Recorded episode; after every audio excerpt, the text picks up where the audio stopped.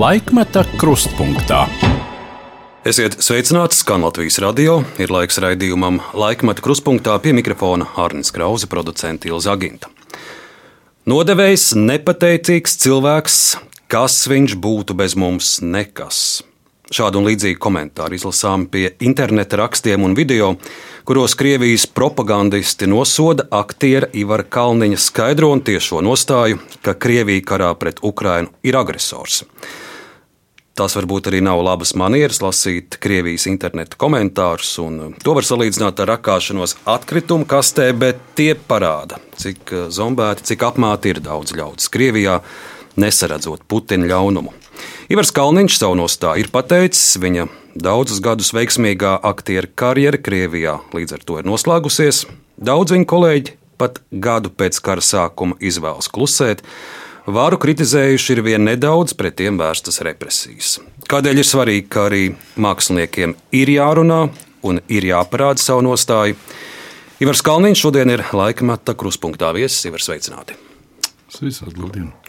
Kad uh, mēs jūs uzrunājām, jūs atsūtījāt tādu īsu ziņu, ka jūs piekrītat nākt, bet uh, ka jums nav tāda liela vēlēšanās runāt par uh, 20. gadsimta notikumiem. Nu, Mūsu raidījumā mēs atskatāmies arī uz laiku pirms gadiem 20, 30, arī 50. Latvijas radio fonotēka vien glabā vairāk nekā 300 jūsu veikumu šeit, Latvijas radio studijā. Nu, bez, bez tiem arhīviem, bez 20. gadsimta nu, mēs tomēr nevarēsim iztikt. Daži, daži pieminējumi būs arī no tā laika. Es domāju, ka tur lielākā daļa ir nederīgi publiskošana kaut kāda materiāla. Nu, es tos pašus pirmos jūsu soļus radio tieši atlasīju, tad mēs kopīgi paklausīsimies. Bet tas vēlāk, un varbūt patiesi jums ir taisnība, šobrīd ir uh, daudz svarīgākas un nopietnākas lietas mums apkārt. Arhīvus var pārcelāt arī, arī, arī vēlāk. Un, uh, sarunu es piedāvāju sākt ar, ar, ar šī brīža trauksmēnajiem notikumiem, un jūs bieži sauc arī par dziedošu aktieru. Un ar vienu īsu mazu muzikālu fragmentu. Mēs sāksim. Jūs nesen bijāt pie ukrāņu žurnālista Dmitrija Gordona un sarunas izskaņā arī nodziedājāt ukrāņu dziesmu Ničijaka Misjačna, mēnesis nakts. Un es pēc tam internetā redzēju, ka daudzi ukrāņi ne tikai bija, bija ļoti aizkustināti un ļoti pateicīgi arī par šādu mm, jūsu attieksmi, šādu jūsu žestu šajā viņiem svarīgajā laikā ar Ukraiņu dziesmu jūsu izpildījumā mēs šodien raidījumu arī sāksim. Я могу такую, ну, постараться, я вспомню ли. Нічяка місячна зорна ясная, Видно, хоч голки збирай, видиха ханая, працею заморена, хоч на хвилиночку гай. Ну, еще раз там. Да. Ивар, спасибо вам большое. Слава Латвии, слава Украине. И... Слава Украине.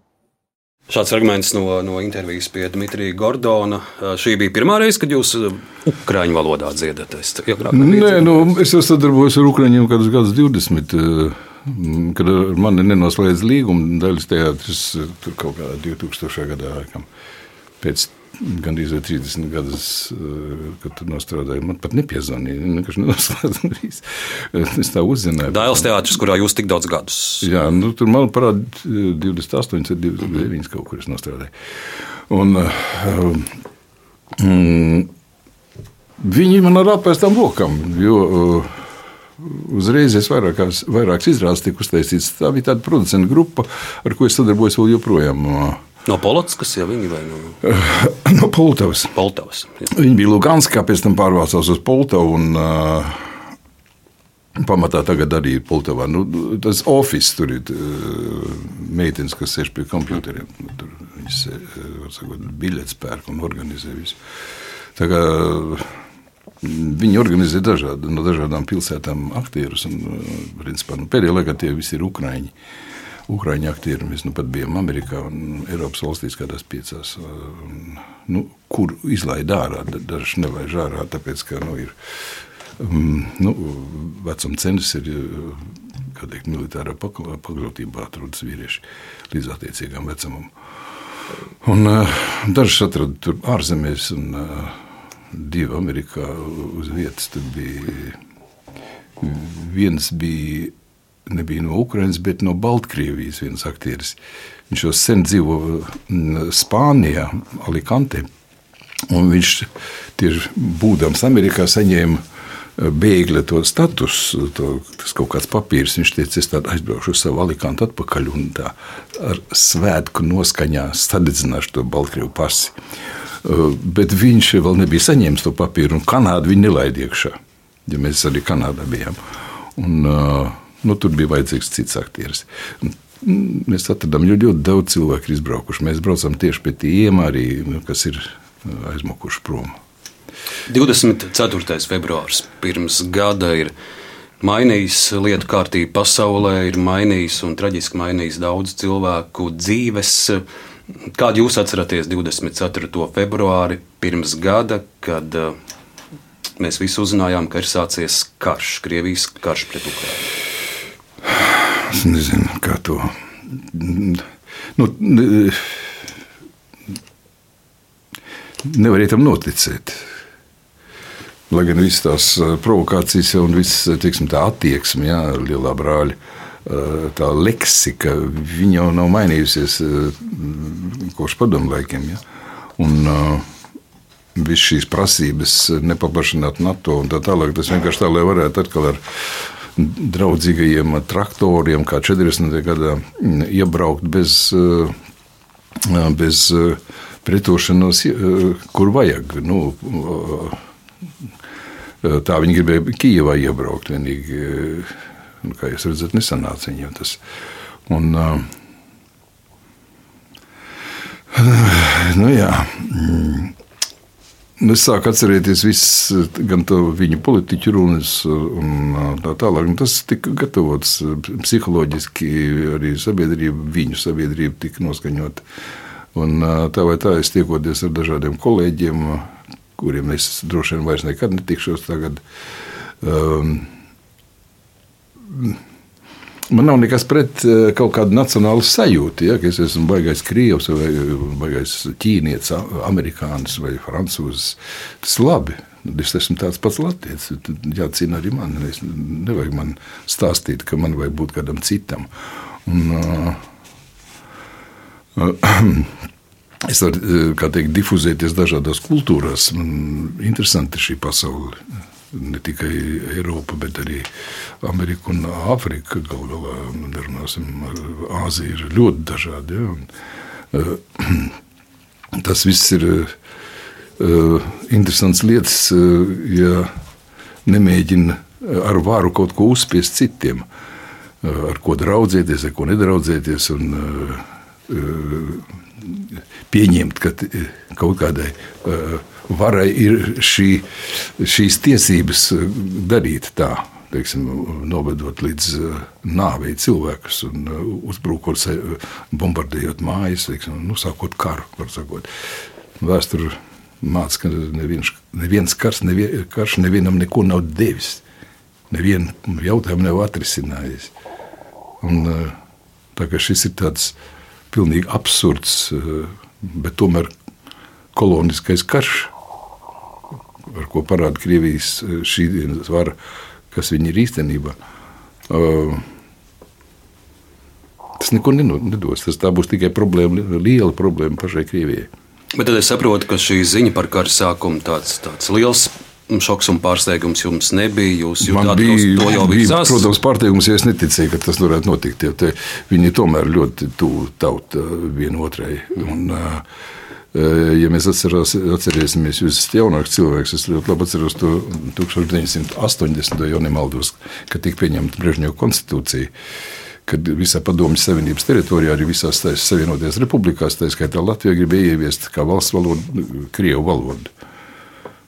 Mums neieveda, un arī Grūzijā, un šur tur dažās neieveda. Baltijas valstīs, jā, un Grūzijā, Armēnijā, manuprāt, un tā Ukrainā ieveda. Redziet, tas ir desmit gadi, 11. Ja? Un uh, Ukrāņu puse gan nerunā savā valodā. Pietiek, ka valdība runā nu, kādā svešā valodā. Tā kā sekosim tam ir ļoti skaistas daudz valodas pasaulē. Uh, bet sekosim tam, lai parlaments runā valsts valodā. Etnogeogrāfiskā situācija, Lat kurā mēs dzīvojam, tā ir Latvija. Un te ir latviešu valoda. Te viņai vajadzētu. Mums ir tieksme attīstīties.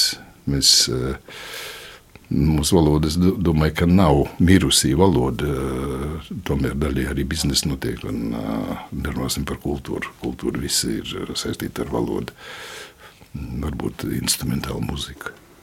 Par jūsu darbu Krievijā pēdējos gados jums arī bija vairāk sekmīgi projekti, kino, seriālos.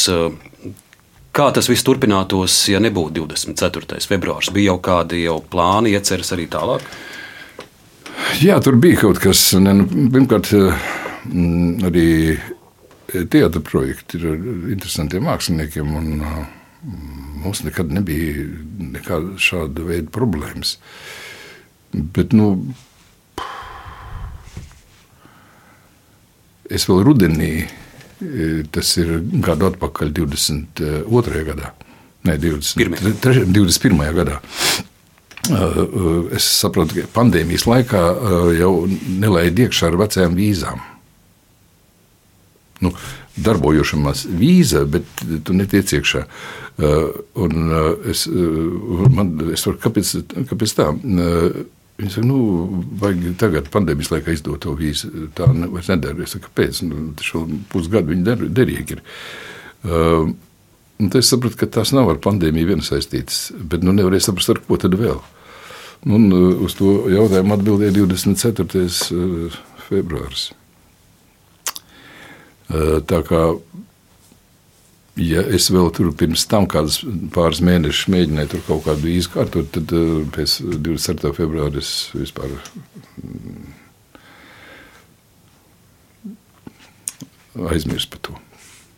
Ja par aizmiršanu ļoti asi Krievijā ir reaģēts eh, uz jūsu izteikumu, ka jūs no savas atmiņas esat izsvītrojis eh, to laiku, kuru jūs esat pavadījis Krievijā, Ko jūs ar to domājāt? Jūs esat izsvītrojis arī to darbu, jo tas bija arī, arī um, izcils, izcils teātris, izrādes kino darbs.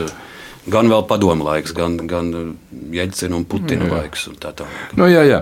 Nu, tur jau tā ir demagoģija, protams, arī. Tur Viņam neklausās līdz galam. Viņš uh, pūš savu. Teiksim, viss tas mans uh, kaut kāds monologs, vai ja es kaut kur izsakos, uh, tiek apstrādāts, un autora darbs tiek kaut kāda, kaut kāda autora darbs tiek publiskots un pateiks, ka tas esmu es, ka tā runā. Pirmkārt, es pateicu to, ka kas saistās ar kino, viss, ja, un uh, arī dažiem te, televīzijas projektiem. Es pandēmijas laikā paskatījos, kas es tāds esmu. Uh, tad, uh, nu, gan bildes ziņā, gan skaņas ziņā, ja daudz ļoti, kā teikt, novecojušas lietas, ko es saviem bērniem vairs negribēju rādīt. Es gribu vienkārši bērniem parādīt, ko es te nodarbojos iepriekšējā dzīvē. Un, tas vienkārši tehniski novedzot. Maniem bērniem ir tādas tehnoloģijas, kā, par kādām mēs sapņot nevarējām. Ne, tur pirms kādiem gadiem, 20, 30. Bet nu, es palikšu pie tā citā. Es skatos, ir izdevums apzats, un viņi jūs ir intervējuši. Un, un, un es nezinu, vai tie ir jūsu vārdi, bet ir atreferēts tā, ka, nu, krieviski tas ir да, я много снимался в советском и российском кино, но сейчас я выбросил это из памяти и забыл об этом. Tātad daudz esmu filmējies padomju un Krievijas filmās, bet tagad es to esmu no savas atmiņas izdzēsis.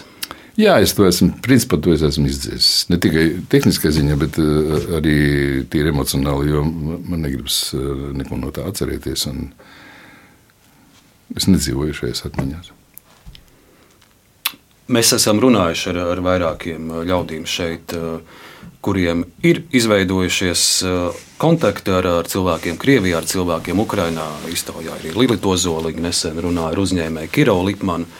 Un, un vēl citiem, un, un viņi stāstīja, kā ir mainījušies viņu kontakti ar uh, saviem Krievijas, līdz tam varbūt pat draugiem, kolēģiem, pirms un pēc 24 februāra Lilita Ozoliņa stāstīja, ka ka viņa ar vienu varbūt sazinās ar, ar, ar kādu kolēģi, bet viņa jūt, ka otrā pusē tā saruna ir ļoti piesardzīga, vai varbūt izvēlas vispār par kāru nerunāt. Ir arī tādi, kas vairs neceļ telefonu, ir tādi, kuriem arī negribās vairs zvanīt. Kā ar jums, jums taču ar Ukrainā, Krievijā bija liels paziņu lokus.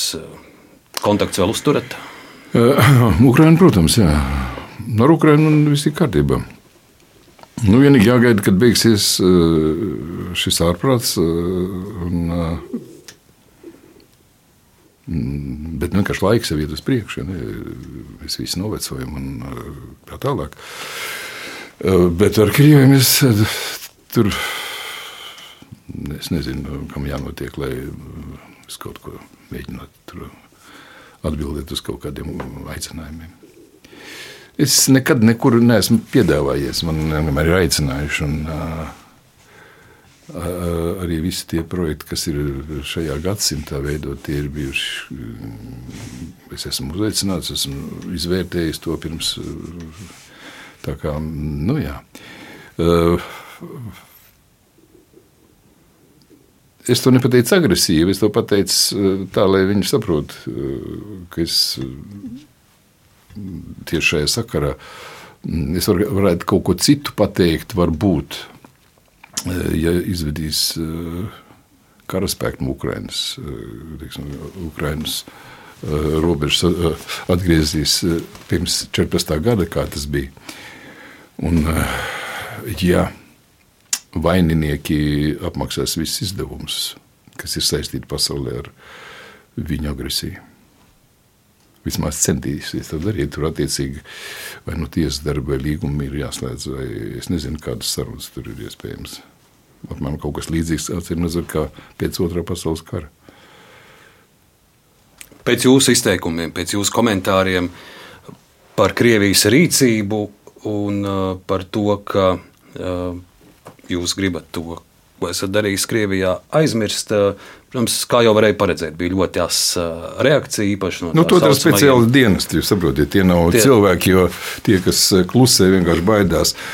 Nu, šeit... Es daudziem arī nezvanu, jo šīs sarunas noteikti noklausās un reģistrē kaut kādu tavu draugu loku un, un tā tālāk. Priekškam un tā tālāk.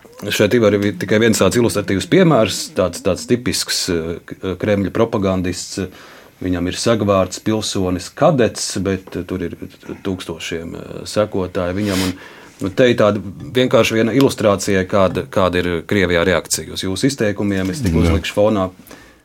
Пусть россияне наживаются на том прекрасном, что мы им оставили. Чего вы им оставили? Вы бегали за режиссерами. Вы играли сотрудника КГБ. Вы играли комитетчика. Вы защищать Советский Союз. А Рига вас даже не вспоминала. Ее тошнило от того, что вы были задействованы в наших советских картинах. Nu, vienmēr sakot, te viss tiek vilkts ārā, ka jūs esat nu spēlējis čekistus, un pirms tam viņš arī saka, kas vispār būtu Ivars Kalniņš, ja, ja nebūtu Krievijas kino.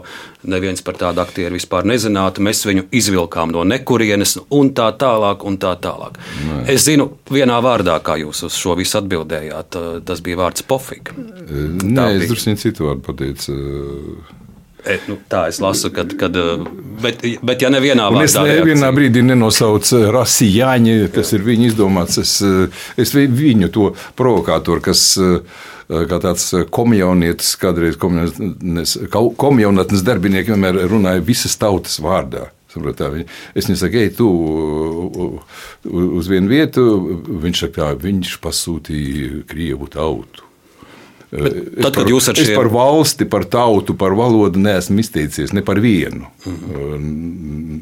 Ne par vienu valsti, ne par vienu tautu, neko sliktu, īpaši par šajā sarunā. Un, nu, tā, tad jūs saprotat, tā ir tāda demagoģija mans kolēģis eh, Kika Bīdzē, atcerieties, eh, pirms, pirms kādiem 20 gadiem, kad eh, nolika visus savus apbalvojumus, vai kas tur viņam bija uz kaut kādu laukumu un teica, lai viņi iet visdirsti. Tas bija pēc Krievijas iebrukuma. Tieši tā, jo viņš ar savu solījumu, nu, tur pieminēts tiek arī tas. Uh, uh, Nu, tad vajadzēja, pak- es atceros to visu to lembastu, kas bija internetā. Viņa uh, tieši it, it kā tautas vārdā. Neviens to, to nav pētījis, ko tauta ir, teikusi un tā tālāk. Uh, Tā kā attiecīgais dienests sacer šīs lietas. Bet atklāti paužot uh, savu pozīciju par to, ko Krievija dara, jūs paredzējāt, ka šāda reakcija arī sekos? Nu, protams, tāpēc man. Uh, Jo interesanti, ko viņi izvēlēja. Viņi izvēlēja, ka jūs pats esat savulaik arī uh, KGB darbinieks. Nu, jā, nu es esmu spēlējis arī miličus kaut kādus, jo tie bija detektīvi kā žanri. Jā, nav svarīgi, kas viņi tur bija. un Es esmu arī aizsargu kaut kādu spēlējis, viņi izvilka ārā kaut kādu studentu laiku darbu. Un, uh, nu, tas viss ir smieklīgi. Mēs jau dzīvojam aiz dzelzs priekškara. Jā, un, uh, Protams, ka visi, ne tikai es, visi mani kolēģi, kas filmējās kaut kur, gribēja tādā lielākajos ūdeņos, iet, jo dzelzs priekškars tālāk, ja mēs nevaram tikt. Mēs ar Lembiju Tūlu saku, lai viņu viegli smilts, domājam, ah, mums nonāksim Holivudā, mēs tur visus, bet ne, tas dzelzs priekškars traucē. Uh, nu, un, un tā tālāk. Nu, Sauksim to par tādu jaunības lielumāniju vai, vai ko. Uh, par to sapņoja visi. Nu, vienīgais to sapni piepildīja, vairāk vai mazāk, un vēl daži. Un, uh, ne visiem tas izdevās. Un, tāpēc var man saukt par kaut kādu padomu laiku, baigo tur uh, kino zvaigzni vai vēl kaut kā. Uh, Jo te nebija citas iespējas. Ja. Tas nenozīmē, ka mēs bijām par padomu varu. Mēs, Tieši otrādi es atceros, cik sev vienkārši interesējas, lai mūsu, pasa, mūsu pašu tautas pašapziņa ir attiecīgā līmenī, lai mēs ne, ne, nejustos kaut kādi vergi, kurus tā var aizsūtīt uz Sibīriju un, uh, un pēc tam ar koku pamaisīt ar citām tautām, kā tas notika mm, 40. un 50. gados par jūsu kolēģu, aktieru, režisoru, mākslinieku, par Krievijas inteliģenci un viņu attieksmi pret šo karu, vai uh, šajā attieksmē jūs arī kas pārsteidz? Mēs redzam, vienā pusē ir piemēram Lija Hahadžakova, otrā ir uh, Nikita Mihalkovs. Tie, kas ir Mihalkova pozīcijās, ir krietni vairāk, un, un uh, blakus Lijai Hadžakovai ir nostājušies vien daži, un mēs zinām, arī viņa pat arī no teātra ir izmesta par, par to, ka viņa atklāti saka, ko domā. kā Par viņi- Krievijas māksliniekiem inteliģenci un, un viņa pozīciju.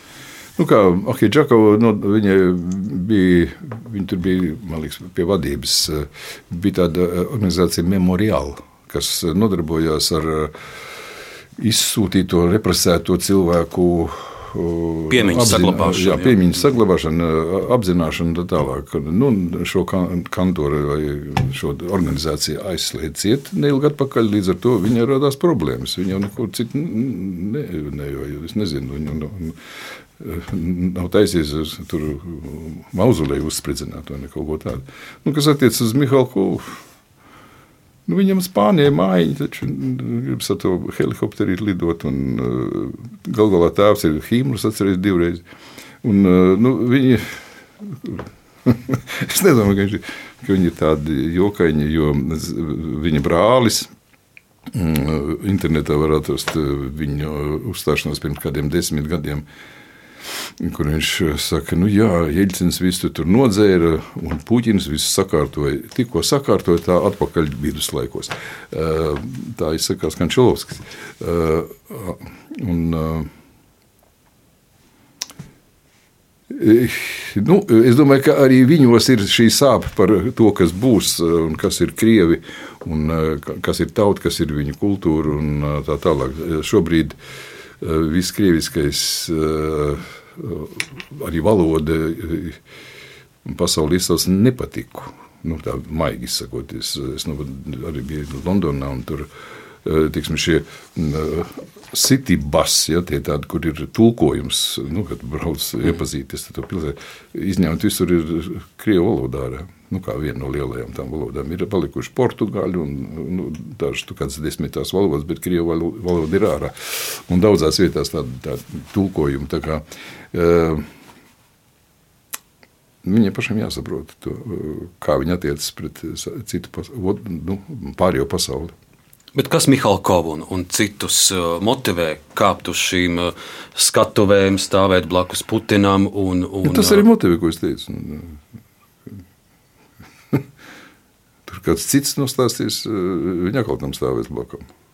Nu, jā, īpaši eh, eh, sacerēs nākošo himnu, ja tāda būs vajadzīga. Es nezinu, vai jūs dzīvē esat klātienē redzējis Putinu, bet Nē, nē. kāds, ir, kāds jums ir izveidojies tāds viņa portrets? Ko, ko jūs par viņu domājat? Nu, daži vispār saka, ka, ka viņam tur ir pieci dubultnieki un nevar saprast, kurš ir īstais un kurš ir kurš. Nu, visiem jau ir. Arī amerikāņu prezidentiem ir. Es redzēju, Klintonu te tūmā. Viņam bija blakus stāvtas visu laiku viens no apsargiem. Viņam tikai slip, šlips ir savādāk. Bet par Putinu, nu, kam ir jānotiek cilvēku, cilvēku prātā, lai, lai pieņemtu lēmumu sākt šo karu, zinot, cik tas būs iznīcinošs, cik daudz ļaužu aizies bojā?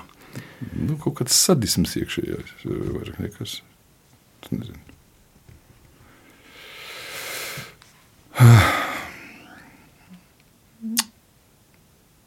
Nu, Ņemcovu nolikvidē, izlik, nolikvidē vienkārši parād, tā parādīja, kā būs ar tiem, kas opozīcijā nostāsies. Tad arī tās indēšanas bija. Tad, nu, var sakot, jebkur cilvēki ir pat nevērtē to, ka, ka nekas labs nav izdarīts. Sākot ar kurskas, to zemūdeni un, un tā tālāk. Visādi notikumi bijuši. Ja. Par Krievijas sabiedrību un viņu attieksmi pret kāru, protams, tām socioloģiskajām aptaujām eh, īsti ticēt nevar, bet eh, redzot intervijas, ielu intervijas, nu, tomēr tiek uzskatīts, ka, ka lielākā daļa Krievijas iedzīvotāji ar vienu ir aiz Putina, atbalsta Putinu un saka, ka pareizi, ka mēs iebrukām Ukrajinā. Ja, ļoti slikti. Tā ir propagandas ietekme, tā ir tāds tiešām ir domāju, uzskats. ka Tas, tik liels tas procents nav, bet kaut kur puse varētu būt. Jā. tā ir šī impēriskā Tā, domāšana, tā, kas tur tie, tie 25% tādi, kas šaubās vai, vai vienkārši mm, nobijušies. jo, Iedomājieties, cilvēkiem mm, gribas ēst, un uh, viņiem negribas nekur emigrēt. Un, uh, un, un tā tālāk. Es arī satiku dažādus cilvēkus, arī no, no Krievijas aizmukušos. uh, Protams, viņi, viņi visiem jāiekāda, viņa dzīve jāsāk no sākuma. Un, uh, Daudzi ir jau pietiekoši lielā vecumā, lai sāktu to darīt. Tā tālāk. Nu, Iedomājieties, kādas jukas bija šeit 45. gadā, kad uh, viena armija atkāpjas, otra uh, nāk virsū. Vācieši vēl pa ceļam atkāpjoties arī. Um, ķēra īpaši jaunas vīriešus un ved uz Faderlandu, atjaunot viņu. Mans tēvs vienkārši izmuka no tā, tā kaut kā veikli. Jo, bet tā, tāpēc, ka tas bija, viņi arī uzlika uz Zaueru. Nu, uz smagās mašīnas pie stūres. Jo vācu laikā apmācīja, okupācijas laikā visas vīrieši braukt ar mašīnu. Varēja paņemt uz ielas, tev pielikt pie stūres un viss. Un man tēva tā noķēra. Un, Pie tālsiem bija kaut kāds uzlidojums tam kolonnai. Uh, nu, Krievijas lidmašīnas. Uh, un, uh, viņiem ar čomu mežā. Un ar kājām atnāca atpakaļ. Un vēl joprojām ķēra cilvēkus uz ielām. Uh, tā kā šis karš no visādām pusēm mums ir bijis drausmīgs. Par Latvijas sabiedrību runājot un Latvijā dzīvojošo krievu attieksmi saistībā ar šo karu, kādu jūs to redzat. Mums ir piemēram um, divu lielu pilsētu mēri, Daugopils un Rēzeknis, kuri nevar skaidri pateikt intervijās, ka tas ir karš. Mums ir saimā uh, vesela frakcija, kura, kura nevar pateikt, ka tas ir karš. Uh, Krievijas prezidenta vēlēšanās, un atkal cik tie dati ir ticami, bet procentuāli Krievijas pilsoņi, kas dzīvo Latvijā, par Putinu nobalsoja vairāk nekā, piemēram, Krievijas pilsoņi Maskavā vai Pēterburgā. Par Krieviem Latvijā. Nu, tas ir tas, ko no Ruskijas zemļi. Nu, par tiem kartupeļiem spērtējiem, ko es jums stāstīju.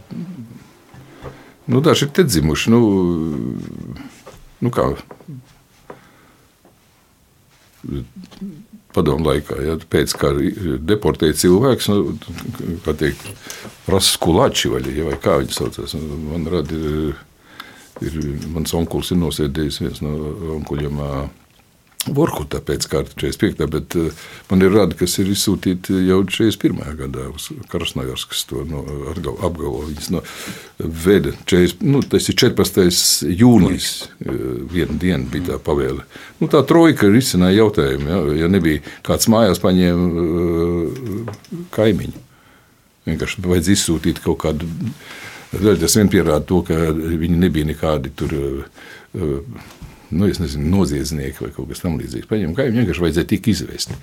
Nu, un pēc tam sāk, sacēla attiecīgas rūpnīcas, ieveda izēvielas un darba spēku arī no Krievijas saved. Nu, nu, sajaucās visi, un tad pēc tam varētu visu saukt. Nu, vienīgi 91. gads to pārtrauc, varētu saukt visus tādu lielu padomu tautu, kas runā Krievu valodā. Nu, šis eksperiments neizdevās, un tāpēc tie ir ļoti uh, apvainojušies. Bet, nu, diemžēl šī vara, šī vienīgā partija, kas toreiz bija, nedēļa laimi visām iespējamām tautām uz šīs teritorijas. Un to vajadzētu saprast un nomierināties un neiznīcināt uh, brāļu tautu Ukraiņus.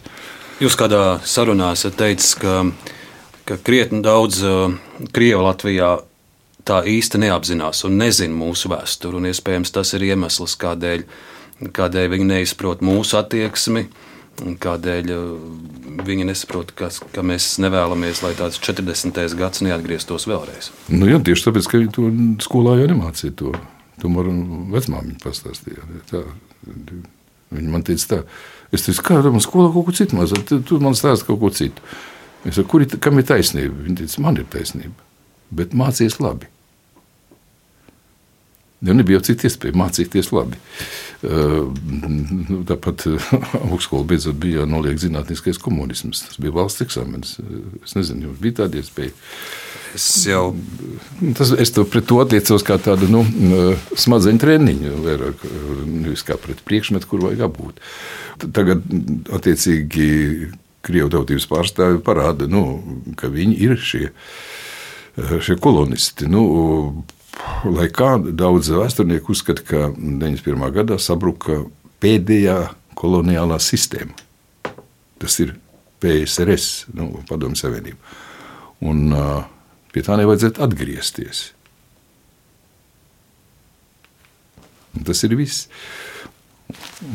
Ja kāds kaut ko grib. Daudz tiek runāts par šo ruskiju mirkli Kādu jūs redzat šo krievu pasauli? Kādu? Nu, lūk, jums ir milzīgi liela teritorija, kārtojiet tur savas imperiskās lietas, un tur ir pietiekuši daudz mazu jauku tautību.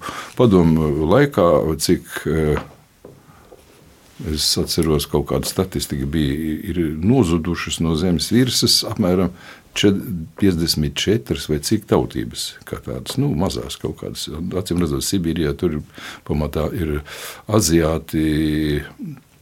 Uh, uh, nu, tā kā mm, tā ir tāds ciltis, dažādas. Tur ir ziemeļtautas un tā tālāk, Kamčatkā, Sahalīnā, uh, Beringi, uz šaurumu tūmā. Uh, Tāpat Jeņķis Lietice, nu, polār, aiz polārā loka. Tur ir milzīgi interesanta daba, protams. Es tur visur esmu apbraukājis. Es varu pastāstīt daudziem par to, kas tur ir. Nu, lūk, jūs daudziet Krievijā esat bijis, tad jau jūs arī varat salīdzināt. Mēs droši vien nevaram vispārināt un teikt, ka, ka visi Krievijā ir putinisti, visi ir imperialisti. Kādus jūs esat, kādus jūs redzat Krievu cilvēkus?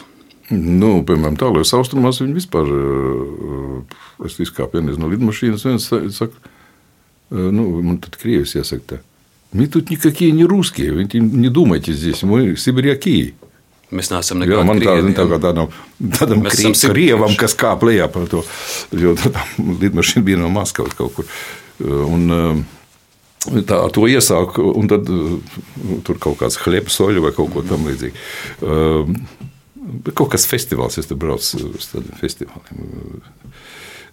Nu, Un ar šīm uzstāšanās reizēm tur bija visi šie gulagi un tā tālāk. Tas ir ļoti interesanti redzēt.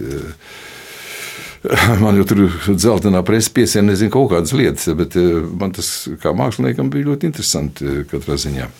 Tā kā es esmu tur apbraukājis visu.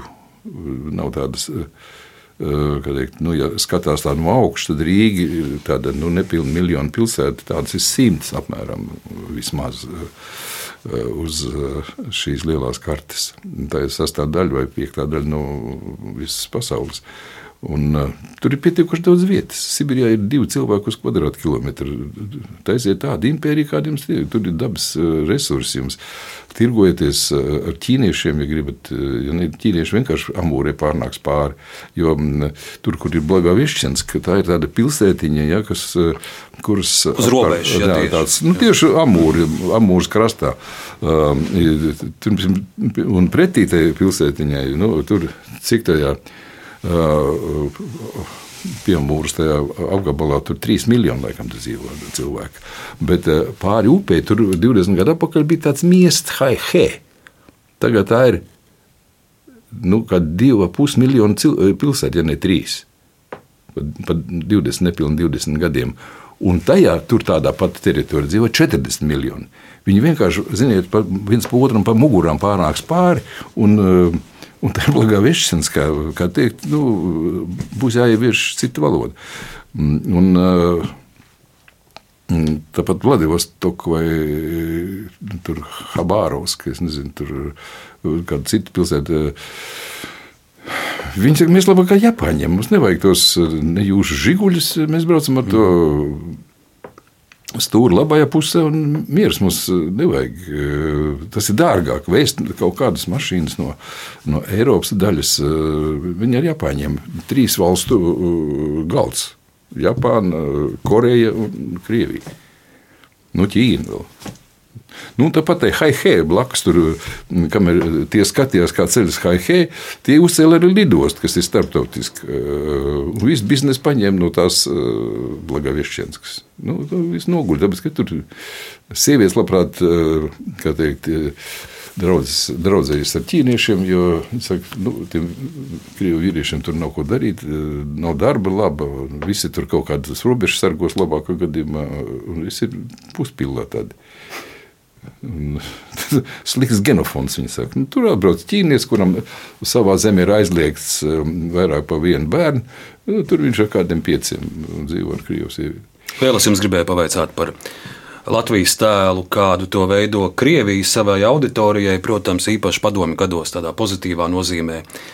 Jūs bijāt Latvijas arī viena no vizītkartēm eh, plašajā padomju savienībā, vēlāk Krievijā. Jūs, Rēmons Pauls, bija Artmanu, Lietuvā Zoliņa, arī Lēma Vaikula, var minēt vēl un vēl. Nu, un, do mērķis vēl zināja. Un arī mūsu tautas dejotāji šeit parādīja, un dzeguzīti. Nu, mēs varam ar ironiju minēt vēl un vēl, bet, bet es, to saku, es to saku nopietni un pozitīvā ziņā. Bet, eh, ja mēs paraugamies īpaši pēdējos gados, uh, Krievija mēģināja parādīt mūs kā neizdevušos valsti, un ka mums te viss jūt nu, jā, un viņi, brūk. Viņi... Un es zinu, ka jums bija viens arī stāsts, kur jūs, saprotat, filmēja vienam Maskavas Krievijas raidījumam, un filmēja ziemā, un viņi bija vēlējušies, lai jūs pastaigājat gar, gar jūras krastu. Un, un pēc tam es saprotu, viņi jūsu bildē apakšā tekstā uzlika, ka lūk, Nabaga nu, pats Ivars Kalniņš staigā pa jūrmālu vairāk. Jā, vairs nebrauc neviens sauļoties. uh, jā, nu, tā arī kinostudijā bija viens. Uh, Svētdienā mēs aizbraucam, tur viss ciet. Nu, kinostudija, teiks, nu, tur ir kaut kāda valsts akcijas sabiedrība. Es nezinu, tagad jau tāpat kā televīzijas studija ir Purciemā, ja, kur, jūs, man liekas, strādājat paralēli. Tad, uh, Kinostudijā vienkārši svētdienā tur viss ir ciet. Nu, es tur sar, nu, tādu sar, sardzi, es ar viņu sarunāju, saku, ielaidiet, mums vienkārši tur gaiteni paiet. Un, nu, viņi arī tā, nevajadzēja to darīt, jo tas ir svētdienā studija cieta vai tur vēl tādas tur kaut kādas es paklau. Un jūs bijāt kopā ar tiem krievijas jā, jā, jā, viņi, viņi, nu, viņi gribēja, nu, tā, jā. kur jūs filmēties, jā, un nav tur arī mani portreti nekādi. Nu, mm. un, uh, uh, Nu, es saku, redziet, te manas asaras un manas sviedri ir uz grīdas, redziet, pēdas. Nu, tā jokoja neveiksmīgi. Un, Bet nu, viņā aizskata teksts ir, ka viss ir beidzies, viss redz, viņš tas taiga kādreiz, kādreiz padomi laikā. Lūk. Nu, tas ir, tā, nu, tas, ir tas, tas, tas, tas vecā mm, padomju mm, darbinieka komplekss, ka viņš nu, nav devis laimi, bet nu, viņš tā kā vēl, nu, tā kā vēl dos, bet nu, eksperiments ir beidzies. Un, vairs nevajag. Mēs bez jūsu jurisdikcijas tīri labi dzīvojam. Un to negrib atzīt. Tas tāpat kā negrib atzīt to, nu, ka mēs tev devām Vansar ārā, un tu ne, ne, nepateicīgais mums nesaka paldies. Es viņam stāstu par, teiksim, nu, Nu, jā, nu, tiksim, par kaut kādiem procentiem. Ja? Man jau neko nevajag, ne pensiju no viņiem, neko. Es vienkārši atgādinu viņiem, ka, ar, ar ko viņi tur ir. Tas viņus drausmīgi sadusmo. Un viņi nekad tev neteiks vispār. Nu, Neviens vēl neteiks paldies par tālantu, paldies par, tu, eh, par taviem nerviem, par tavu jaunību, ko tu eh, mums ziedoji, vai kaut kā teiksim, negulētās naktis, ko tu atņem saviem bērniem. Eh, tā tālāk. To neviens nekad neatcerēsies. Es vienkārši teiks, ka nu, mēs redzam, jūs nepateicīgs esat.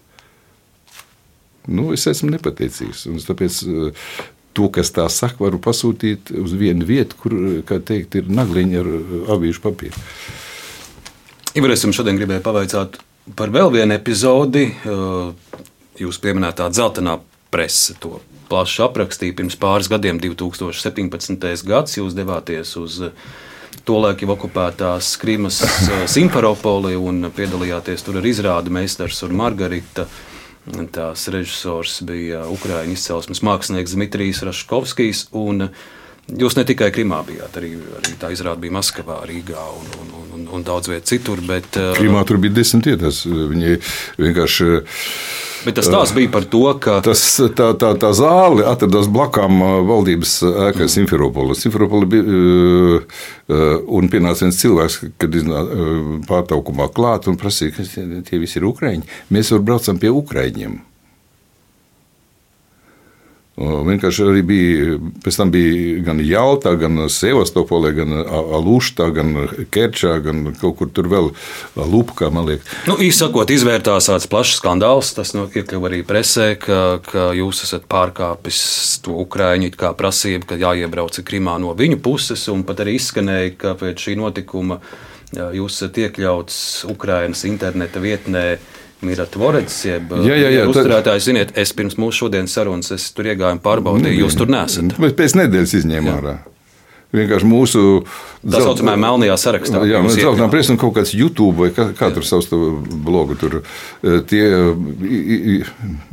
kā teikt, Tie, arī te, acīm redzot, man ir kaut kādi labvēļi, kā manu galveno tādu manas biogrāfijas faktu, ka es tur Krimā esmu bijis. Jo No. Man no, tur likās, ka tā ir dzeltenās preses kaut kāds uh, kremliskais uh, pasākums šim ir atorits, uh, jo tur ir laba lab kompānija, kas pēc tam paskatījos, kas tur bija. Jā, toreiz es varbūt neuzmanīgi, nezin, es nezināju, kādi noteikumi ir uzstādīti no tiem ir atvorets puses, jo man bija visas vajadzīgās vīzes un atļaujas. Mums ir bezvīzes režīms ar Ukrainu, es varu braukt no iekšā, no kuras puses gribu.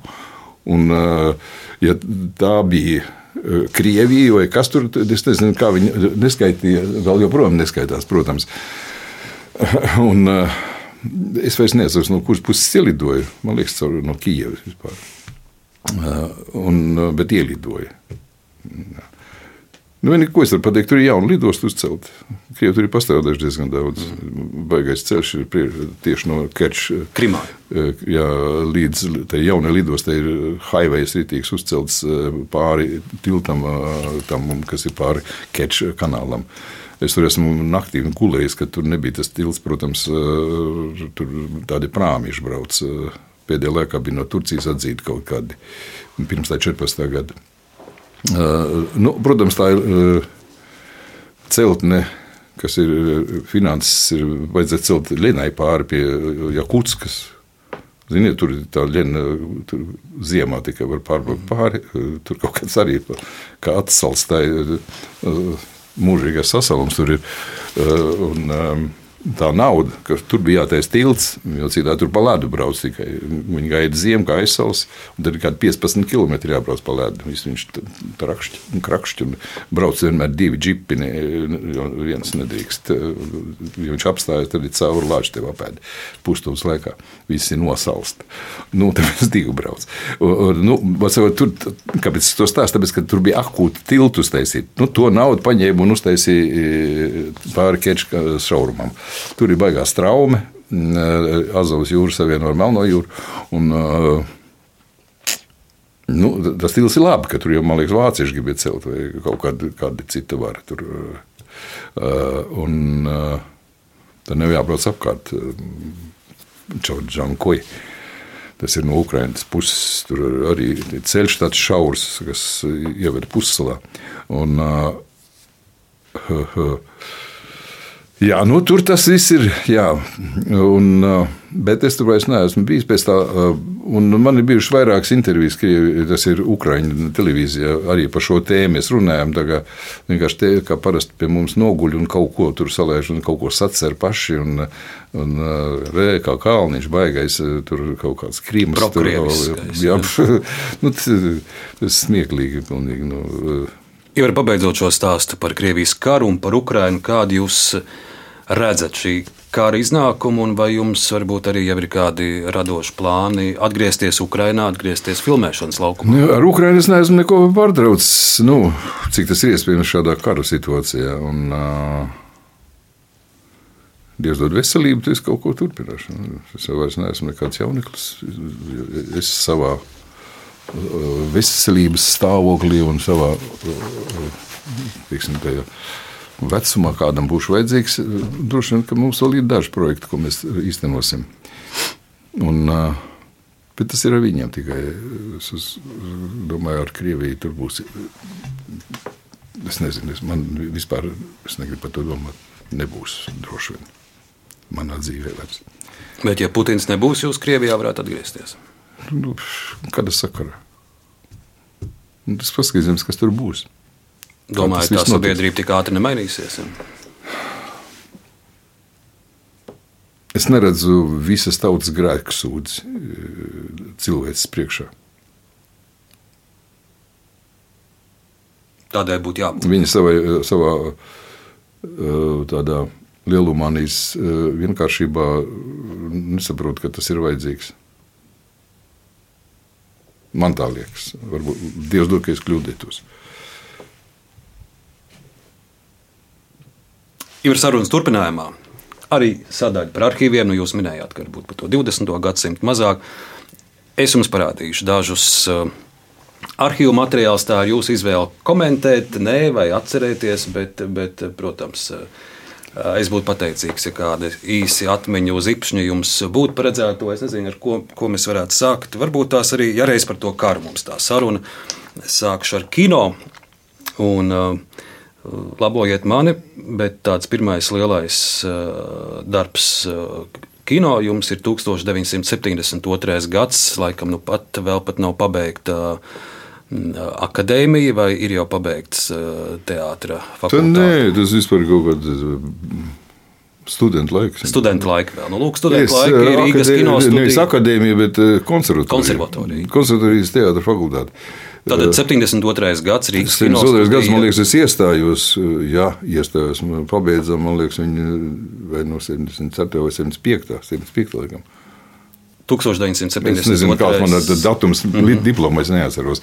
Mēs katru sesiju likām vienu eksāmenu vairāk, mēs sarunājām, jo mums bija daži jau pēc kaut kādām mācībām mācījās. Un, uh, nu, var sakot, mēs varējām atļauties, ka tikt, atdot visu laiku, nu, viss tur novājēja. Jā, bet mēs pa viena, vienam eksāmenam likām vairāk, un tāpēc mēs drusciņā ātrāk varējām saņemt diplomas, un lai nebūtu, nu, kā teikt, man parāds 74. gads, mēs janvārī nobeidzām, lai būtu 75. gads. Manuprāt, tā. Nu, ieskatīsimies dažos kino kadros, jūsu aktieru gaita pirmsākumos, un kā pirmais ir 1972. gads Rīgas kinostudija, režisors Jānis Streičs un uh, filma Bālodzīte. Uh, šajos laikos šķiet, tā nav rādīta. Vismaz es, es neesmu redzējis, bet tas īsais Nu, stāsts, par, vairs īsais stāsts ir par to, ka Krievu gūsteknis mūk no vāciešiem, viņš tiek ievainots, nokļūst pie latviešu meitenes Ilgas un viņas vecstāva. Un Tad tas Jā, jā. gūsteknis tiek apārstēts, bet uh, jūs uh, arī tur esat. Jūs esat uh, formā, aizsarga vai vāciešu formā, formā. jā, Tā pirmā lielā jūsu loma kino ir ieroci rokās. Es vienu mazu fragment parādīšu. Viņš gan arī ir krievu valodā tā filma, tā kā man būs lai ievērotu. Nu, jā, jā, likumu. tur- nedaudz jāpatulko. Jā, es nezinu, man tur nav ko komentēt. Nu, paskatīsimies to pašu sākumus. Стой! Русский! Пленный! Бежал! Ты что, не мой? Кто тебя тут устроил? Старик? Patiesi interesanti, ja tā tagad analizē, tad jū, jūsu pirmie vārdi kino ir stāv, stāt, vai tu esi krievs. Tā. Jā. Nu, man teātrī man ir. eh, Es eh, varu nosaukt Šekspīru, es vēl tagad zinu to tekstu. Um, mēs ienācām teātrī, un uh, Arnolds Liniņš iestudēja Ričards III. eh, tā, ir tāda luga Šekspīram. Ja? Un šo Ričardu III spēlēja Liepiņš, Harijs, uh, pārmaiņas ar Valentīnu Skūlu, man liekas. Un, Mēs tur visi tajā, ar, ar, pīķiem stāvējām, visi studisti. Pirmais man Šekspīra teksts bija Ričards III. prasa, ko raugāties eh, tik drūmi graf, uh, grafs arī. Es teicu, mans sirds ir daudz kārt jautrāka kā skatiens.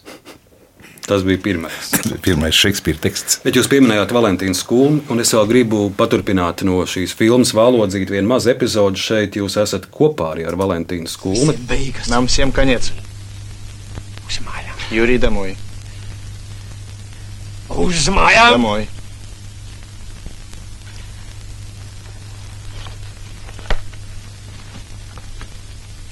Nu, tas tik tāds mazs fragments ilustrācijai, kādēļ, kādēļ es šo nospēlēju.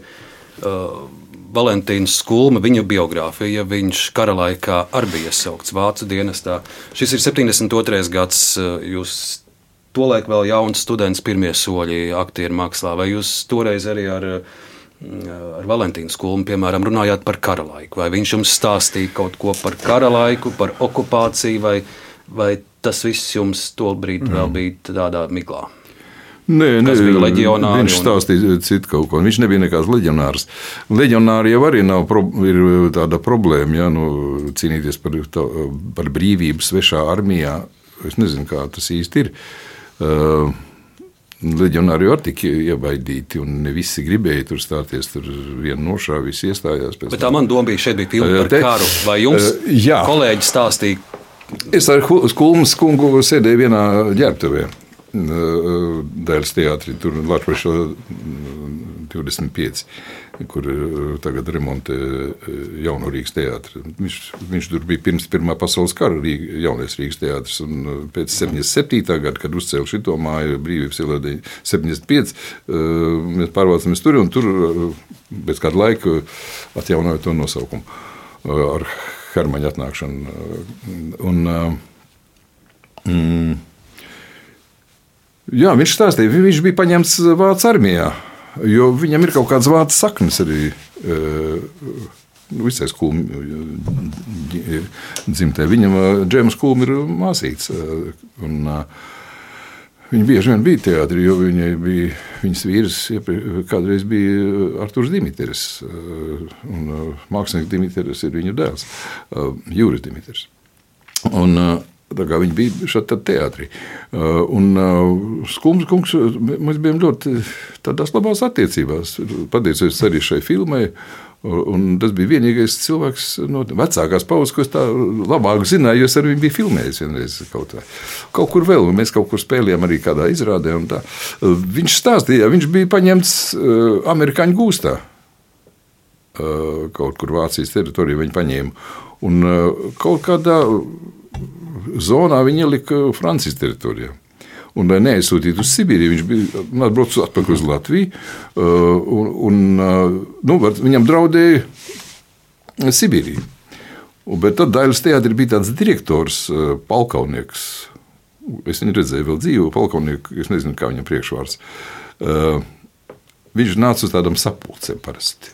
Tas bija Spāņu brīvības cīņu dalībnieks pret Franko. Viņš tajās brigādēs, tur kaut kādās internacionālajās bija bijis. Un tas tā labi viņam uzticējās, tad, tad tā padomju vara. Un viņš aizlika labus vārdus pa vienu otru mākslinieku. Un tā skaitā par skulmi, un līdz ar to skulmi netika izsūtīts uz Sibīriju. Un, uh, viņš stāstīja visās brīnums. Jā. Viņš bija ļoti tāds kausns, ja, viegli izsakoties pārāk, pārāk varbūt. Viņš man teica, es tur tajā konsulāģerī Francijā, es mainīju maizi pret cigaretēm. Viņš bija kaislīgs pīpmanis. Un es biju divreiz vājāks kā tagad. Tievāks. Nu, kā, viņam bija lieliska humora izjūta, un uh, man ir tikai labākās atmiņas par uh, Valentīnu Skulmi. Ir vēl dažas atmiņas. Nākamais fragments būs no 1975. gada kinožurnāls Padomu Latvijas režisors Evers Freimans. Šeit ir stāsts par Dailas teātra piekto aktieru studiju. Un fiksēts ir diplomdarbs pēdējā barjera un arī noziedznieka Zumenta lomas tēlotājs Ivars Kalniņš. Šeit arī ir fiksēts mazu fragment, palūkosim. Jāņa Raņa akadēmiskais dailes teātris saņēmis jaunu papildinājumu. Teātra piektās studijas audzēkņi tika uzņemti aktieru saimē. Viena no diplomdarbu izrādēm - Andrija Dripes asi problemātiskās stāsta pēdējā barjera dramatizējums noziedznieka Zumenta lomā Ivars Kalniņš. Vai papriecājas, sadalīt bandās, pasirot par republiku, varbūt vēl tālāk, visur panika bailes, milicīši ar savām pistolītēm pašaudamē, pašaudamē, un laižas krūmos, maniem ekšiem pašiem pietiks šaujamo. Mēs ķersimies pie bankām, juvelieru veikaliem. Zelts un diamanti! Un kad viss kā mums būs diezgan, mēs laidīsimies pāri robežām, kur valdā seks un anarhija! Jā, jā, jā,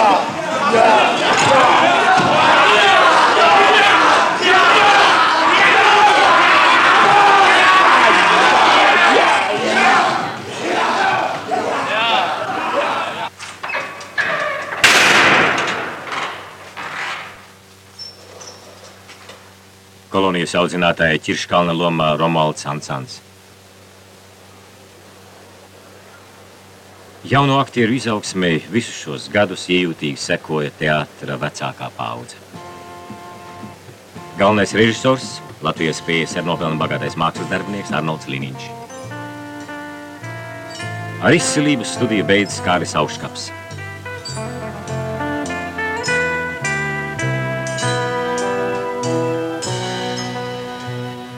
Televīzijas un kino skatītāji jau iepazinuši Ivaru Kalniņu Akvelinu Līvmani. Viņi tāpat kā pārējie absolventi pirmos soļus aktieru mākslā spēruši Rīgas kino studijas Tautas kinoaktieru studijā un saņem arī kinoaktieru diplomus. Dzidra Ritenberga viņiem novēl grūtas un skaistas lomas kā teātrī, tā kino. Nu, nu, lūk, te ir tas brīdis, kad arī jūs diplomu saņemat, ir dokumentēts. Jā, jā. Nu, smieklīgi. Uh, nu, Jā, tas bija diplomāts. Tas ir Andrejs Drips rakstījis, bija stāstījis. Andrejs Drips bija uh, Cēlā kolonijā, man liekas, kā tāds pedagogs. Uzraugs, pedagogs jā. Jā. Uh, uh, nu, kā skolotājs, laikam, es nezinu, ko viņš tur mācīja. Uh, Katrā ziņā viņa literārā darbība ir palikusi varbūt visiem atmiņā. Un, uh, īpaši šis darbs eh, tika izvēlēts un dramatizēts. Šeit visām kustībām nodarbojas modes tenisons, gribētu pieminēt eh, lielisku cilvēku, kas bija speciālists pantomīmas lietās. Viņš Rīgas pantomīmā darbojās, un tad viņš eh, vadīja, man liekas, pantomīmas ansamblī Kaunijā. Mm. Un tad viņi pievāca vai nu, uzaicināja tā, uh, Maskavas mūzikas hols. Uh, tad viņš atnāca uz Rīgā, bet viņš bija pēc izglītības mākslinieks. Viņš man pēc tam vai Lietušķos, vai kaut vienā no mākslas skolām pas, bija pasniedzējis. Uh, viņš vairākas iz, izrādes ir iestudējis, palīdzējis iestudēt. Uh, arī Brants ir viņa uh, līdzdarbs Liniņam. Uh, vienīgi par šo laiku visu ir ļoti maz informācijas. Arnolds Līniņš vadīja teātri 17 gadus, man šķiet. Un pirms nākot uz pie jums, es arī gribēju uzzināt, kas tas esmu. Te, es, tik maz esmu, es te tā guļu pār, ar ģimeni, kā teikt, dzīvoju savā dzimtajā pilsētā. Uh, Un es iegāju internetā, un tā ir Latvijas aktiera rakstīts. Es domāju, nu, jāapskatās, kas, kas tur ir. Pirmkārt, man, man tur nevar atrast. Un kaut kādu vienu trešo daļu es vispār nezinu, nezināju pēc uzvārdiem. Nu, var gadīties tie jaunie, kurus es tiešām nezinu. Un, tad es iegāju Dailas teātrī. Domāju, nu, tur var būt. -hmm. Tur arī es nevarēju sevi atrast. Uh, un es domāju, varbūt tur bija tāda Latvijas izcilākie. Es domāju, es ar, ar tādu drabūšu roku. Skatos, ka nu, tas bija tas, domāts, tur tā informācija no radzobas, lai viņai viegli smiltis. Um, uh, uh, nu, viņas sastādītais tas saraksts.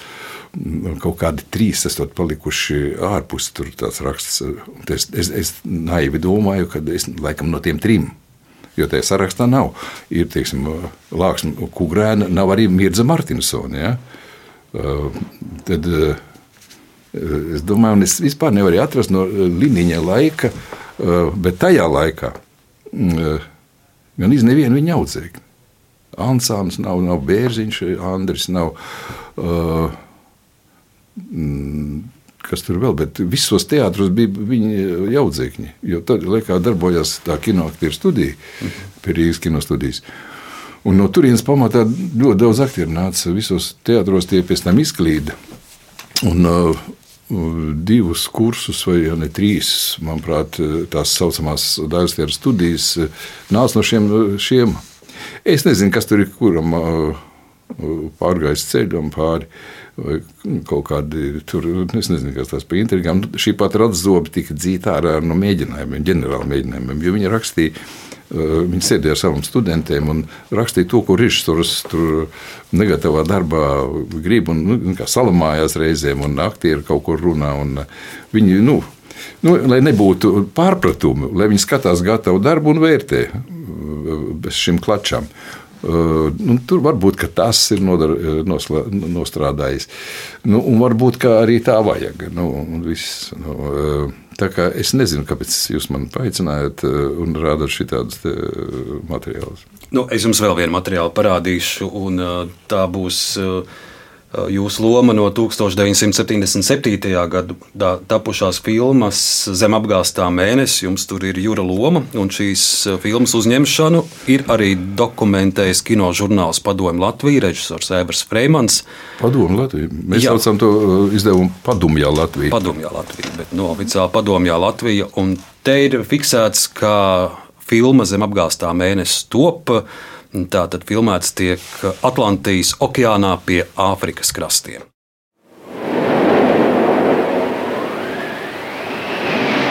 Šie kadri uzņemti Atlantijas okeānā uz zvejas kuģa līnis.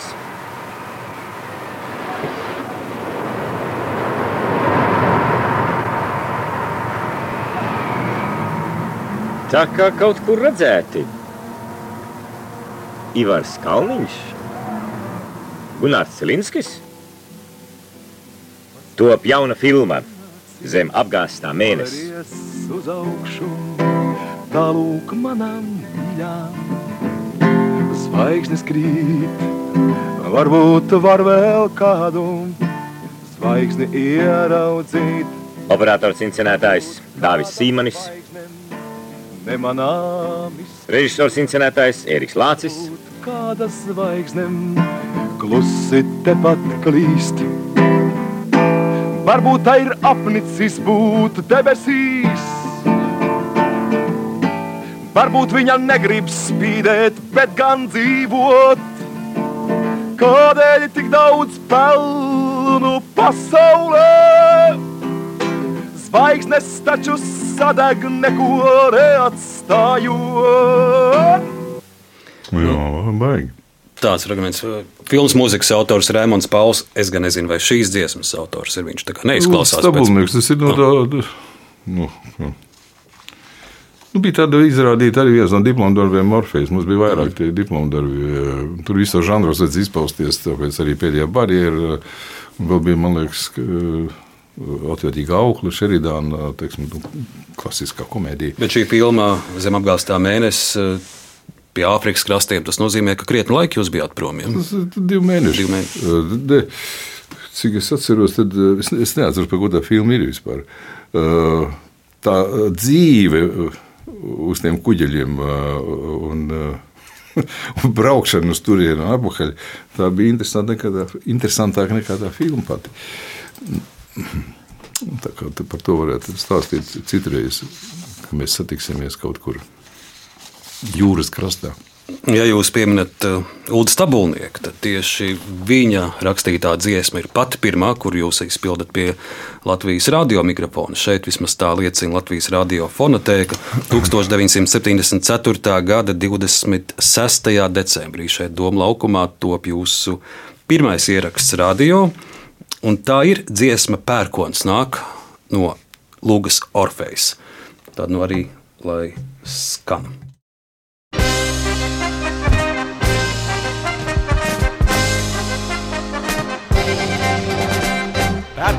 Un iesper lielā liepā, tava dziesma nodziedāta liepā. Kam tu viena kalnā kāpi liepā, kam tu viena izsmaržoja kam?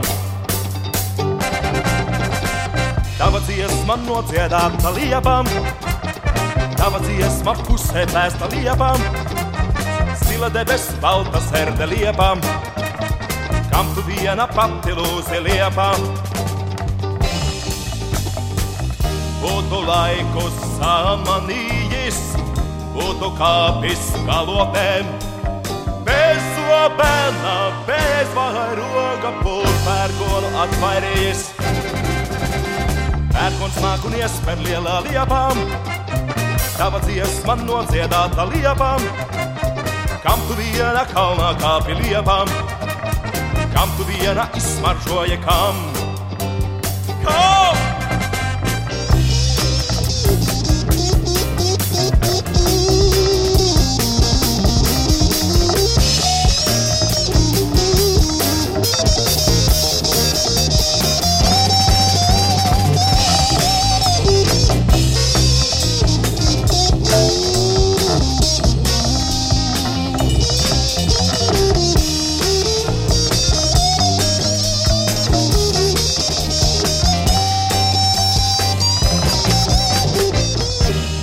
Laiku samanījis, būtu kāpis galotnēm.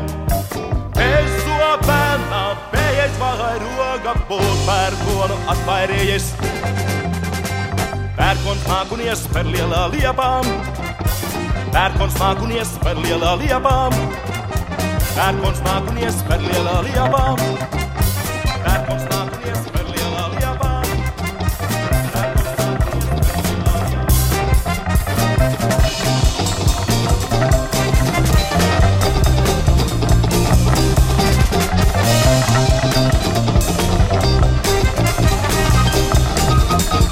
Neticam, nākamgad, nākamgad šim ierakstam jau 50 gadu, bet nu, skan tā, ka it kā vakar šeit būtu ierakstīts. Jā, tie ir labi oranžī. Uh, šī, jā, šī fonogramma neskanēja teātrī. Tā, tā, tu, man liekas, speciāli sagatavoja kaut kādam ierakstam.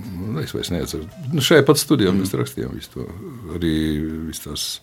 Nu, tur, uh, sāku, man liekas, viss tās oranžīs taisīja Rūzīts. Lai viņam arī bija smilts. Gunārs Rozenbergs. Grūza, jā, jā. Gunārs Rozenbergs. Jā. Uh, es, ne, es neesmu pārliecināts, bet man tā liekas. Viņš bija visur klāt. Un, un, uh, Nu, jā, tas, tas bija Stabils, bija jaunais komponists, kas bija pēc armijas atgriezies. Tur tāda ansambla zvaigznīte bija vēl tāda, viņa džēzu spēlēja. Tas bija ļoti interesanti. Un, un viņi, tas diplomu darbs var sakot, Stabulnieks sieva mācījās kinoaktieru studijā arī kaut kādu laiku, manuprāt. Iepriekšējā, jā, pēc tam pirms manis tajā studijā. Un, Nu, es nezinu, kā tur tā kontaktēšana notika. Katrā ziņā viņi šīs dziesmas rakstīja. Zirnīs vienā naktī uzrakstīja tekstus. Pēters Zirnīs, lai viņam arī viegli smidas. Principā tur, ko jūs rādat, tur lielākā daļa apmieruši tie cilvēki. Un, nu jā, tā ir tāda atmiņa. Tur ir tajā lūdziņā bija 11 dziesmas. Es esmu dažas atkārtot izmantojis, un viena ir tāda tāds slovu valsts. Un atkal svētdienā līs lietus. To, to es labprāt izpildīju tagad, tā tāda, tāda franču šansona stilā. Tāda. Nu, viņi ļoti āt, lielā ātrumā uzrakstīja šīs mm.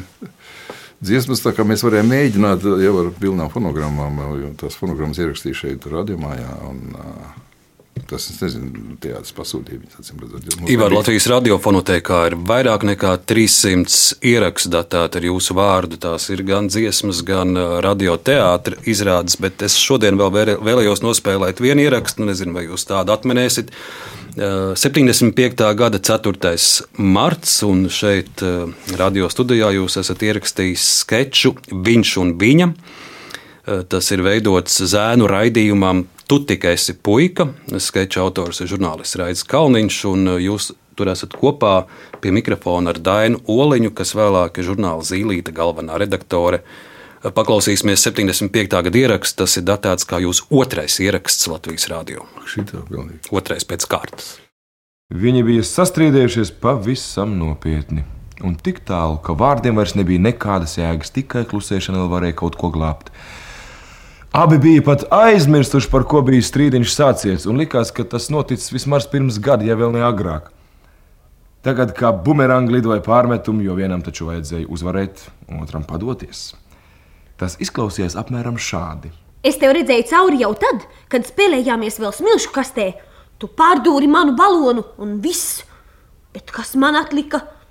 Tikai raudāšana. Bet tu domā, ka es esmu aizmirsis, ka tu kaķim ausis ar tušu nokrāsoji? Un to saki tu! Tu pats taču pirmajā klasē sunim pie astes piesēji dzīves kamolu. Vai kā melo? Ne jau es piesēju. Nav svarīgi. Galvenais, ka gribēji piesiet. Tas ir pat ļoti svarīgi, bet tu toreiz ietiepīgi negribēji man aizdot savas slīdes, un neaizdevi arī. Baigies, ka es neatceros. Mamma neļāva. Nē, nu es, man jau ir gadi. Un izskaidrot situāciju. Es toreiz biju uz tevi dusmīga. Es daudz tu ko man neatceros. pastāvīgi Es neatceros. Nu, tad patīsim vēl tos gadus atpakaļ. Es mēģināju atrast žurnāls Liesma. 1973. gads, un te ir tāda īsa apraksta par jaunajiem aktieriem. Un, uh, arī par jums ir pāris teikumi, un tiek rakstīts, ka uh, Ivars Kalniņš bērnībā un skolas gaitas aizritējuši Rīgā no divām mīlestībām, mūzikas un teātra, paliek uzticīgs skatuvei. Rīgas kinostudijas tautas kinoaktieru studija, tāda valsts konservatorijas neklātiene, dēls teātris studija. Tāpat kā daudziem tās audzēkņiem, pirmo vērā ņemamo lomu viņam uztic lugā Otīlija un viņas bērnu bērni, vēlāk arī citās dēls teātris izrādēs. Ivars joprojām aizraujas ar mūziku, spēlē elektroģitāru. Atlikušais laiks tiek atdots grāmatām, bet ziemā Jā, iekavās, kur gan palicis sniegs, slēpošana. Tāda ir pirmā auditorijas iepazīstināšana ar jums 73. gads. Pilnīgs portrets, pilnīgs. Kā to slēpot? pazīt no tālienes. Elektroģitāra ir vēl turēta rokā, kad pēdējo reizi tur Man ir vesela kolekcija ar tādiem instrumentiem. Nē, nu es vienkārši kaut, tas arī kaut kāds vecuma, es nezinu. uh, Man ir daudz visādi instrumenti, ne tikai stīgu, ir, ir, ir perkusijas, ir klaviatū, ar klaviatūrām šādi tādi. Ir dažādas stabulītes pūšamie. Um, Tā kā, mm, kad pie manis atbrauc man ir draugi, tad mēs tur reizēm mu- muzicējam, ja uznāk iedvesma. Uh, tā kā arī elektriskās man nu, principā gan viss var pieslēgt kaut kur klāt. Jā. Ne, man, man patīk ar skaņām nodarboties. Man mājā ir laba skaņa. Arī es kaut ko atskaņoju. Ivar, jums patīk ar skaņām nodarboties. Man atkal patīk eh, dažkārt pameklēt saviem raidījumu viesiem par viņu radiem. Ja kaut ko var atrast arhīvos, un uh, es jums parādīšu divas bildes, vai jūs atpazīstat šos jaunos cilvēkus, šo un arī šo jaunēkli. Mm -hmm. Ar pirkstu nospiedumi jau tad ir bijuši. Nu, jā, tie ir mani vecāki. Tie ir jūsu vecāki, Anna, Aleksandra, Teibe un arī jūsu tētis Edmunds Jūlijs Kalniņš. Ivar, šīs ir viņu pases, bet te viņi abi vēl nav precējušies. Tad jūs varēsiet arī palūkot. Citreiz par Rīgu būs interesanti jums pastaigāt. Te ir daudz un dažādas adreses, kur viņi Rīgā ir dzīvojuši. Paldies, jā. Un, Krāsotā ielā viņi dzīvoja. Un, nu, tur ir vēl vismaz piecas, sešas, un, un, un varēsiet papētīt par jūsu tēta līniju mazāk, bet es redzu, ka jūsu mammas līnija, teibas līnija, tur ir daži dzimtu entuziasti izpētījuši pat līdz 1700. gadu sākumam. Tad Jā, tās saknes ir visi lielākā daļa. Jā. Un mammas saknes jums no popas, no Ventspils puses nāk. jā. Jā, jā, tieši tā. Nu, viņi popis, eh, man tur tādas emocionālas atmiņas. eh, Man ienāca prātā pirms 20 gadiem, bija jāuzceļ māja. Un, uh, es domāju, ka kaut ko tā, ka tad bija saskaties, bija kaut ko brīvdabas muzejā. Es domāju, kaut kas tāds, kaut ko tādu no koka laikam. Un, uh, es ar celtniekiem runājot, uh, atradu tieši popas mežos uh, tādu mm, mājas guļbūves krāvumu. Ko cilvēks bija, teiksim, nu, viņš nevarēja atļauties tālāk. Tur kaut kāds nobrucis uh, pasākums viņam, viņš pārdeva. Un es tos kokus nopirku un no tā uztaisīju sev māju. Pārvedu, tāpēc man viņa No mammas dzimtās puses, Jā, no, nu, kur mans vecāks bija mežsargs. Un, um, Tā kā man ir māja no tā meža, uh, tikai uh, Rīgas nu, pierīgā. Un jūs jau varat nojaust, cik grūti ir pētīt uzvārdu. Kalniņš, es, es pamēģināju, bet es padevos, no kuras puses ir jūsu kalniņi. Mārupi. Mārupiem. Jā, tēvs ir rīznieks, nu, kādēļ, nu, Mārups. Un senāki kalniņi vai ir? Uh, nu, es vectēvs, nu, ir, man bija gadiņš, viņa tēvs, Eduards Kalniņš. Cik es zinu, viņš spīķeros uh, vairāk kārt, uh, nu, ir, ir strādājis kādu laiku par, par krāvēju, tam spīķeriem viņš ir staigājis, viņš ir pelnījis caur laikā kaut kādas 5 rubļus laikam dienā, un 3 viņš ir nodzēris krogā, nu atstājis, varbūt ne nodzēris, un ar diviem viņš nācis ir mājās. Nu tā kā māte stāstīja, ka viņš nes pienu saviem mazbērniem, un tā vecamāte teica, ka viņš bija iedzēris. Uh, pa gabalu, jo viņš svilpojas kaut kādas melodijas. vispār. Un tur no jūsu tēta pasas var redzēt, eh, ziniet, kādās mār, mājās, mā- kāds bija māju nosaukums Mārupē, kur dzīvo jūsu kalniņi.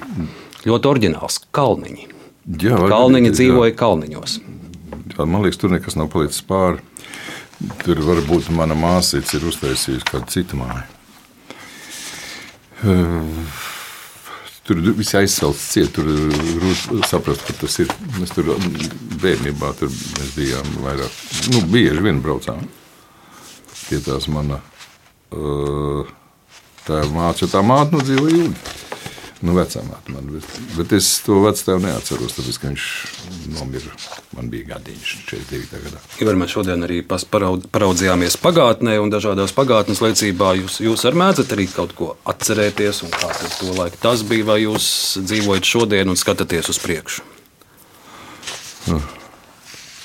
Nu, es atceros, uh, kā tāds viens no spilgtākajiem ir Brežņevs. Kad es skatījos uz viņa portretu, es domāju, ja tas ir mans priekšnieks, tad kas es esmu tāds? Šis jautājums vēl joprojām man nomoc.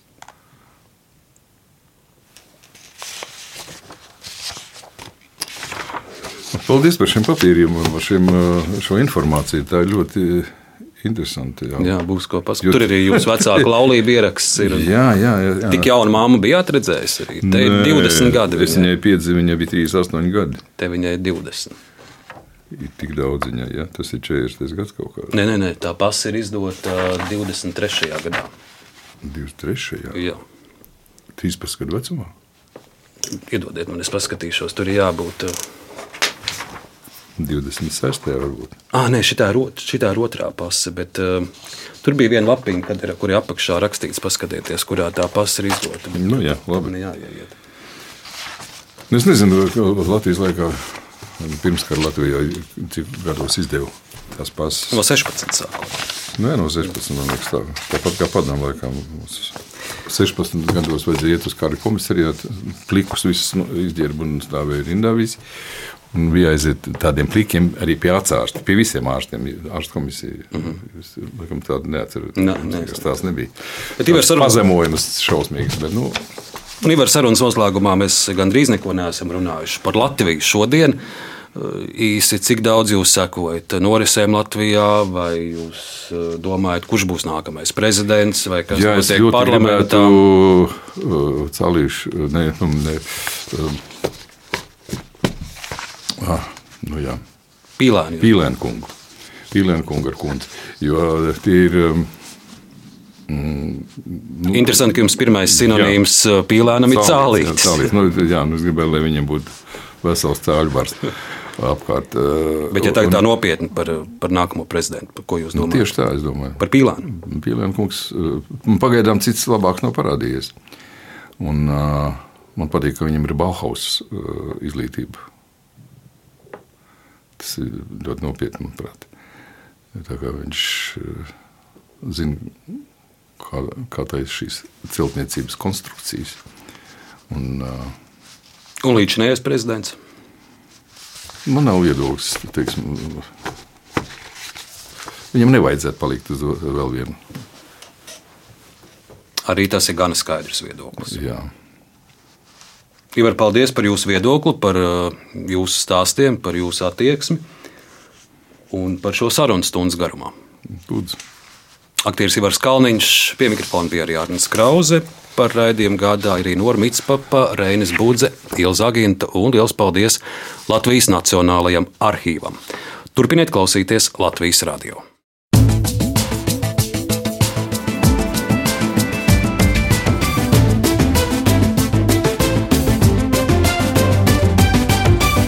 Laikmeta krustpunktā.